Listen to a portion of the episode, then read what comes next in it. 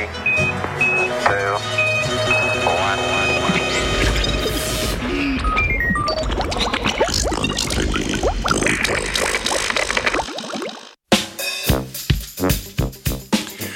Pisanje s tekočo vrvjo. Ameriška raziskovalna skupina je z uporabo algoritmov strojnega učenja izpeljala novo strategijo nadzora gibanja tiskalne šobe. Ta pristop izkorišča nestabilnost tekočine in spontano odlaganje ter zvijanje filamenta in tako ustvarja tiskano sliko z večje razdalje. Izsledke so objavili v reviji Soft Matter.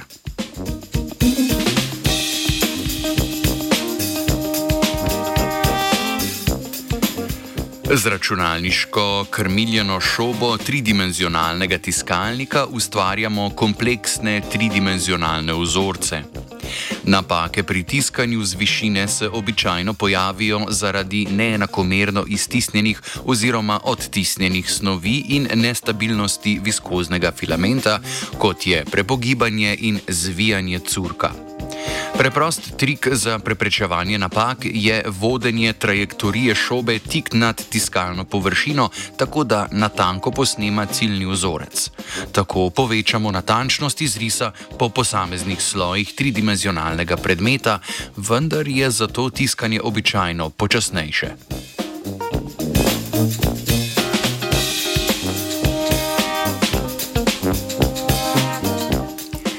Izhodišče študije je fizikalni model, ki opisuje lastnosti tankih niti viskozne tekočine iztisnjene z višine.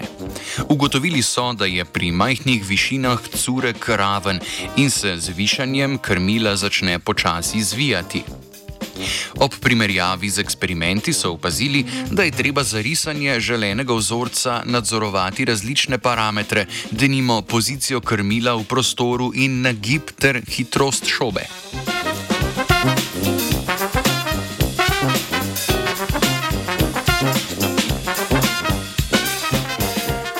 Znanstvenice in znanstveniki so se vprašali, ali se lahko naprava nauči krmiliti šobo ter pri tem uporabi strategije za nadzor parametrov.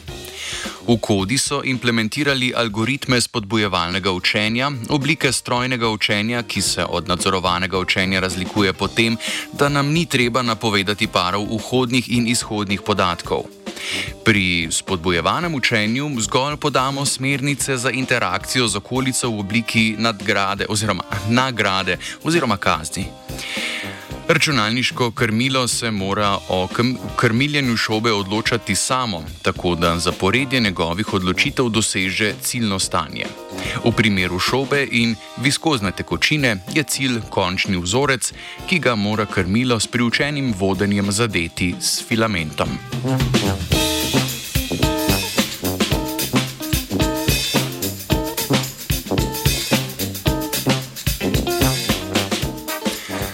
Sprva so učenje računalniškega krmila preizkusili ob enostavnih nalogah, da nimo narisati ravno črto in napisati ime mesta Cambridge. V nadaljevanju pa so naloge otežili in na kompleksnejših vzorcih preverili, ali se lahko krmilo poleg pisanja nauči še slikati. Za navdih so vzeli slike ameriškega slikarja Jacksona Pollocka, znanega po slogu slikanja na daljavo. Pri slikanju je pustil, da je barva curljala z čopiča ali palice, ki jo je držal daleč nad platnom, s čimer je izkoriščal nestabilnosti zvijanja curka tekočine. V raziskavi so se omejili na del slike, ki mu lahko sledimo kot neprekinjeni krivulji, ta del pa je krmilo uspešno reproduciralo.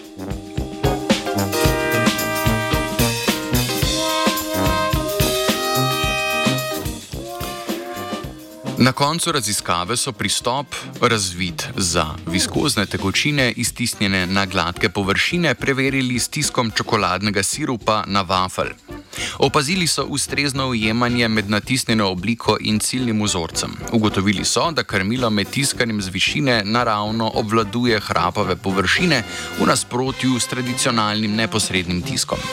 Predvidevajo, da je takšen pristop mogoče nadalje razširiti denimo na tiskanje na topografsko zanimivejše površine in zlaganje tekočega filamenta v več plasti.